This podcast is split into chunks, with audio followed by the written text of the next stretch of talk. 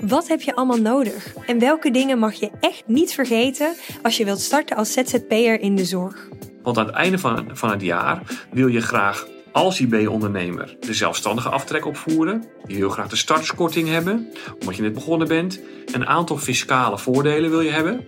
Prima, zegt de Belastingdienst. Daar zijn, dat, is, dat is mogelijk, comma, als je aan de spelregels voldoet.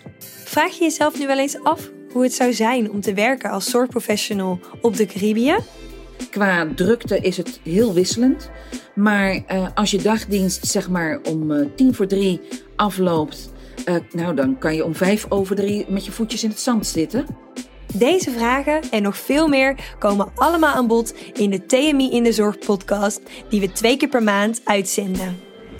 Ik ben Lisa Wens, host van deze podcast en zelf ben ik werkzaam als recruiter bij TMI, waar ik dagelijks in gesprek ga met diverse zorgprofessionals. Zij hebben allemaal hun eigen verhaal en deze zijn vaak erg inspirerend, maar ook vrijwel onbekend voor de meeste mensen. En dat vond ik jammer. Want wat nou als je helemaal geen idee hebt wat zorgdetachering nu is? En heb je vragen over actuele onderwerpen binnen de zorg?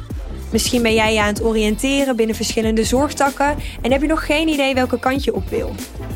In de TMI in de Zorg podcast spreek ik diverse zorgprofessionals binnen de bekende, maar ook de minder bekende vakgebieden over hun expertise, ervaringen en uitdagingen.